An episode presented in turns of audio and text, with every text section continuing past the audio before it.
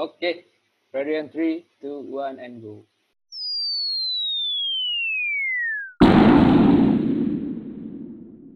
Sini Podcast.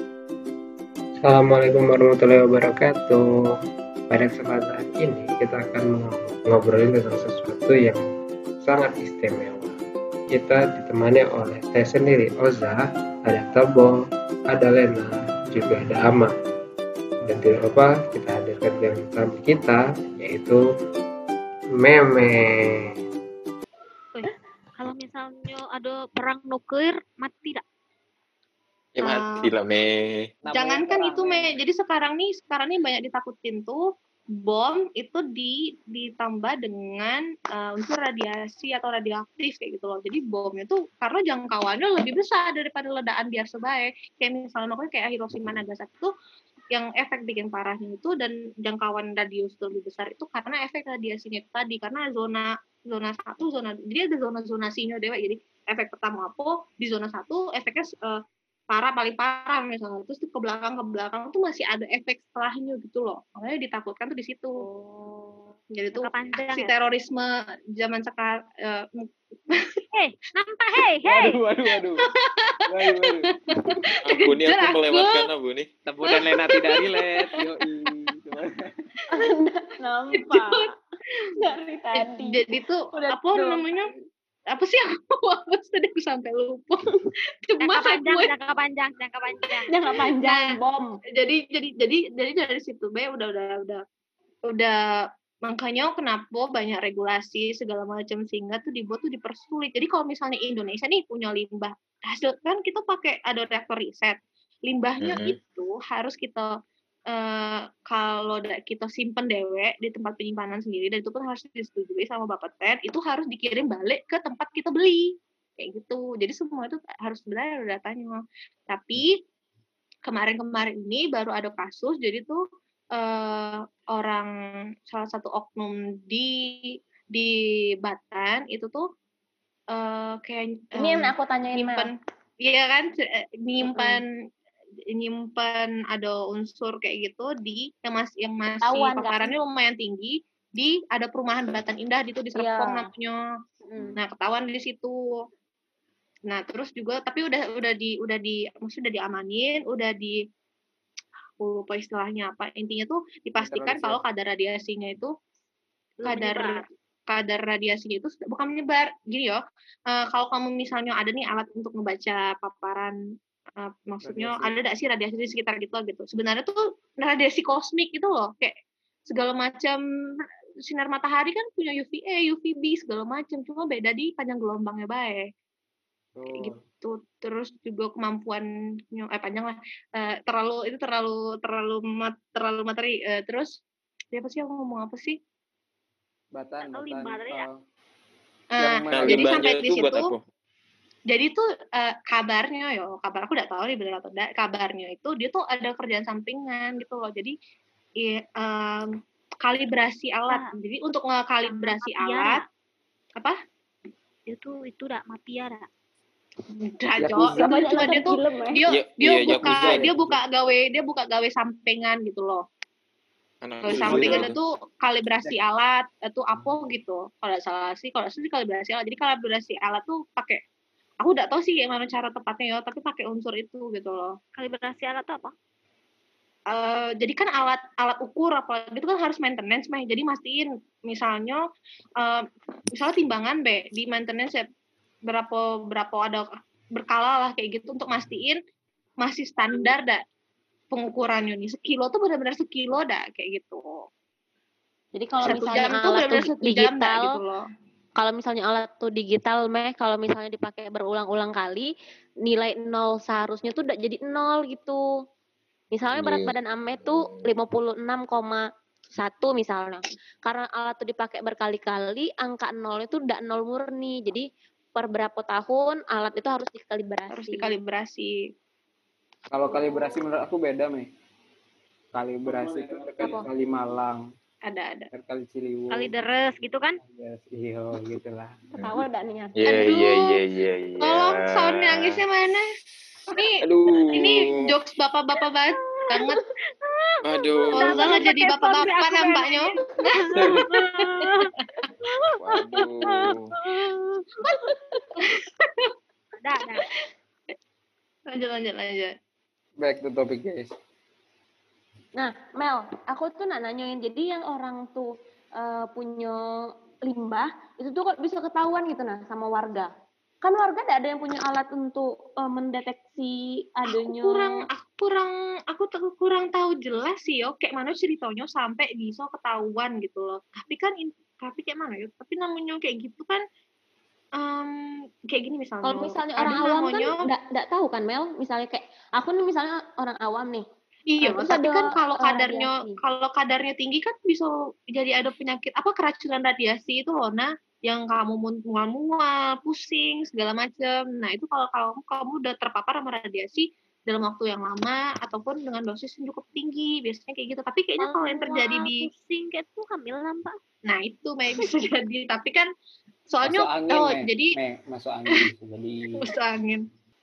Pintar sih, tidak minum tolak Nah, itu dia Betul maksudnya. lah. bejo jadi tuh ada juga ada juga banyak cerita tentang kayak kayak dua kayak kan kalau di Indo kan banyaknya pakai sumber radiasi kayak gitu kan di rumah sakit tuh kayak alat kesehatan kayak CAT ronsen, atau yang betul. masuk ke dalam terowongan tuh langsung. MRI. MRI Ya kan? Betul kan aku? habis Ya. eh, jadi tuh Betul. ada lim- di Brazil atau di mana gitu jadi tuh limbahnya itu entah kenapa sumbernya itu masih ada di dalam situ sampai ke tukang rongsokan besi jadi tuh satu kampung itu terkontaminasi semua kan oh istilahnya tuh kalau kalau mem- apa ya menurunkan kadar suatu benda ataupun yang sudah terpapar radiasi itu namanya dekontaminasi isti- istilahnya. Kalau kontaminasi tuh kita kenal atau barang kenal gitu. Nah jadi tuh jadi tuh sam- ada yang mening, em, ada yang meninggal kalau tidak salah. Pusing-pusing Iya, udah ada- berkelanjutan ada gitu. segala macam.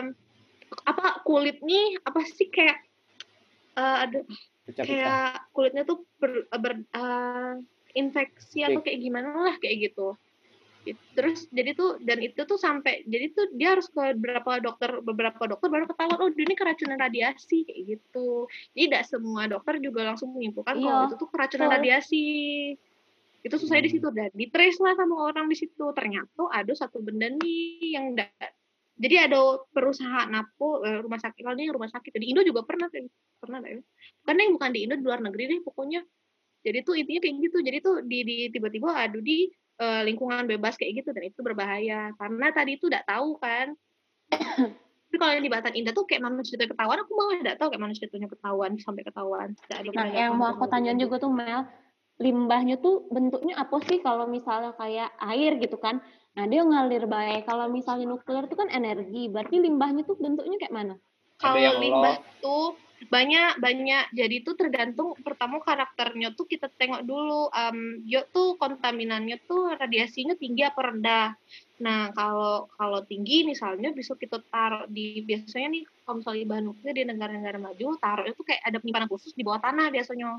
Jadi dipendep sampai uh, ada namanya waktu paruh. Uh, intinya tuh sampai sampai dikira-kira sudah sudah cukup aman untuk dilakukan step selanjutnya lah kayak gitu dan simpan lah dulu sampai tak panas Tapi lagi energinya nah, tuh lah dalam istilahnya. dalam bentuk apa gitu Namel? Maksudnya tuh nak nyimpan dalam bentuk tanahnya tuh aku tuh kalau dibilangin oh nuklir kalau kan nggak pin itu tuh kayak ada tabu oh, kau kayak jerigen gitu loh neh jadi eh, itu itu Hmm. luar itu paling luar anggaplah kayak jerigen tapi di dalamnya tuh ada lagi bungkusan bungkusan bungkusan yang kayak gitu mau itu bentuk em, mau itu bentuknya padat kah cair kah jadi tuh di di ini tuh per nggak salah kriteria palingnya tuh aktivitasnya gitu ya, radiasinya ini tinggi apa rendah? Kalau rendah mungkin diusap B atau di- diusap misalnya terus eh, ker- apa bahan yang kita buat ngusap tuh kita bak eh, bukan dibakar diapain lah kayak gitu. Jadi tuh ada ada step-stepnya ada kategori-kategorinya tuh sendiri kayak gitu. Terus juga kalaupun penyimpanan kayak gitu kan ada jadi tuh semuanya tuh sudah sudah karena ini yang kita handle itu kan sangat eh mana ya harus dilakukan dengan hati-hati dan segala macam jadi itu semua udah terstruktur dan juga udah ada technical dokumen how to-nya lah kayak gitu ada standar-standarnya yang harus dipenuhi kayak gitu Jadi bentuk limbah itu bisa cair, bisa padat, bisa gas bisa gitu cair kan. ya? bisa padat bisa bisa Bentuknya loh bisa soalnya juga. tuh aku kalau Iya betul Zah. Aduh. Makanya aku tuh kebayangin jokes Oza limbah makin lama makin cuma parah kayak ya. iya itulah kayak jokes bapak-bapak Ren. Derita Kalau kebayangin tuh limbah tuh cuma kayak ini Mel kan dia tuh radiasi gitu nah. Jadi aku cuma ngebayangin nggak kebayang aku biasanya bentuk limbah itu kayak mana limbahnya gitu. tuh ya kalau ada benda terkontaminasi misalnya ataupun misalnya sumber sumber radiasi yang dipakai di CT scan sama itu gitu gitu nah yang udah nggak dipakai lagi gitu misalnya Limbahnya harus ada cewek gak sih? Limbahnya cewek. Kalau cowok aduh Ini. aku udah Lumba. Kalau kakung. kalau cowok limbat. Maco. Iya. Ih. kamu ini kesal lah jangan-jangan gue Oza nih Sorry, sorry. Aku baru tahu ternyata nuklir itu seribet itu. karena karena gini me karena kalau kita misalnya ndak ndak ada peraturan ndak ada em, ndak diatur di skemain sedemikian rupa kan ini bisa nyangkut hidup em, makhluk hidup bukan cuma manusia ya makhluk hidup lingkungan dan segala macamnya kayak gitu loh. Makanya yang jadi salah satu alasan kenapa banyak negara kayak soal Jerman Jerman kan udah benar-benar memutuskan kalau mereka tidak mau pakai eh, visi ya tidak mau pakai visi lagi gitu. Nah tidak mau pakai reaktor nuklir kayak gitu. Jadi mau dimatiin semua reaktornya karena berpen- ber- banyak yang berpandangan kalau nanti tidak fair kalau misalnya sampah-sampah limbah nih dari generasi kita diturunkan ke generasi bawah gitu anak-anak gitu misalnya gitu tapi kan itu ada perhitungannya dewek gitu jadi ada ilmunya dewek ada ada Sekarang nih perhitungannya setiap negara tuh itu pada gencatan nuklir. Negara-negara besar ya, oke. maksudnya Pada saling menakut-nakuti dengan nuklirnya gitu. Nah, itulah memang maksudnya kan maksudnya yang paling maju sekarang yang paling orang takut kan itu gitu loh. Jadi kan makanya orang berlomba-lomba untuk mempelajari itu dan berlomba-lomba untuk mengatur supaya siapa baik nih yang dapat yang bisa mengembangkan ini sejauh mana kayak gitu loh. Kan maksudnya kan sebenarnya peraturan-peraturan kayak gitu kan juga supaya tidak disalahgunakan padahal kan kalau mau ngomongin fair atau tidak fair kan dari sejarah kan kita juga udah tahu kayak gimana awal penggunaannya kan kan tapi kan itu Mel, apa namanya? Kalau pengembangan tuh setiap negara tuh berarti bisa aja lah mengembangkan hal-hal seperti itu.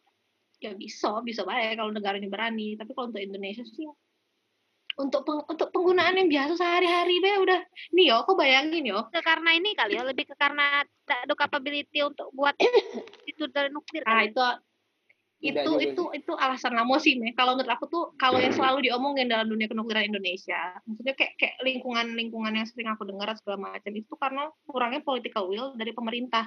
Ya misalnya dulu zaman dulu emang negara-negara lain udah pada maksudnya mulai-mulai baik maksudnya kita dengan Soeharto dulu maju-maju baik kok dibangun langsung tiga, ada tiga reaktor riset di Indonesia. Waktu itu sempat merencanakan mau bangun juga yang untuk energi tapi tidak jadi. Intinya itu political will dari sebuah negara udah itu baik kayak misalnya Thailand. Thailand udah menyatakan dia tuh menyatakan sikap kalau mereka ada maksudnya mereka walaupun tidak mengejar nggak mengejar visi tapi mau mengembangkan sikloton gitu misalnya. Eh, teknologi siklotron gitu baik. Nah kalau kita kan bu, eh, lebih mending eh, kalau kita menyatakan enggak ya enggak gitu kan kayak Jerman atau eh oke pakai gitu. A- tapi kalau kita kan maju mundur maju mundur. Kayak misalnya Ruen rancangan bauran energi kita gitu kan. Untuk 2025 itu tuh energi kenukliran itu tuh mas rancangan itu. Untuk salah satu juga untuk memenuhi Paris Agreement itu loh. Jadi ngurangin emisi karbon segala macam segala macam. Itu tuh ditaruh di pilihan akhir yang paling pilihan nomor lima pilihan terakhir. Padahal untuk ngebangun satu reaktor baik itu tuh butuh waktu berpuluhan sampai belasan tahun Kenapa? Karena dengan karena sistemnya sangat kompleks tadi itu, begitu. Apalagi generasi paling generasi baru-baru. Nilai investasinya berarti. Betul. Jadi aku- awal modal awal modal awal itu sangat besar. Di situ yang ngebuat Indonesia ragu. Modal awalnya sangat besar. Terus juga mungkin ya mikirnya nanti di belum lagi grid kita nih mampu dah kalau tiba kita masukkan dari nuklir langsung bisa masuk ke grid kayak gitu loh. Mungkin ya secara secara apa sih namanya sistemnya juga mungkin belum ya, kurang sih aku ya Amateur. sih Hmm. Boleh, boleh, boleh bang, boleh bang. Eh, silakan Pak. bang. Nambah lah bang. Tambah lah cie. Aku pernah Soalnya jadi Heeh. lanjut lanjut. aku pernah ngobrol sama orang energi lah bilang kayak gitu kan Hmm. kalau uh, memang prioritas Indo nih sekarang energi yang pertama tuh batu bara. Kenapa batu bara? Karena nilai investmentnya tuh luar biasa tinggi gitu. Sedangkan yang apa renewable energy apalagi nuklir kayak tadi Nuklir. mungkin udah dibilang sama Memel uh, itu nilai investnya gede Besar nih sekali. uh, di awal. Terus maintenance-nya juga kan Mm-mm, Maintenance gede juga kan. Nah, kalau masalah tenaga ahli aku rasa tidak sih. Aku baca-baca banyak sih ahli nuklir Indonesia ya udah. Banyak, banyak, banyak. Maksudnya tuh juga, aduh ya ampun, dari kau bayangin yo, dari generasi guru-guru guru-gurunya aku itu tuh dijanjiin, ah bangun reaktor, bangun reaktor, bangun reaktor. Eh sampai sekarang juga udah bakal tidak dibangun-bangun. Maksudnya banyak aku juga dosen aku yang dosen aku yang gurunya tuh senseinya tuh langsung emang yang eh guru besar apa sih istilah ah guru besar di Jepang juga yang guru besar yang jadi konsultan terapower itu. Maksudnya tuh kalau ngomongin kayaknya kalau ngomongin masalah kapabilitas kita atau engineer kita ataupun ma- em, physicist kita kayaknya terlalu basi lah kalau ngomongin itu tuh. Kayak jadi nutupin satu sisi yang nggak mau aja. Aku sih udah nganggap seperti itu. Dan aku sedihnya orang-orang yang di kenukliran kayak aku karena ini tidak nggak bisa tidak cuan maksudnya buka kerja di mana kami? Itu rata-rata tuh pada ninggalin nuklir kayak gitu. Ataupun em, bidang entah bidang pindah ke bidang lain ataupun ya- udah tidak menekuni lagi kayak gitu loh. Jadi tuh jadinya tuh kayak eh brain drain gitu loh. Jadi lost semuanya Hmm. sedihnya tuh di situ Kemarin aku dengar Len. Eh, Len. Oh, sorry, sorry. Aku dengar Len. ingat aku terus dah. Iya, sorry. Ada orang nih soalnya.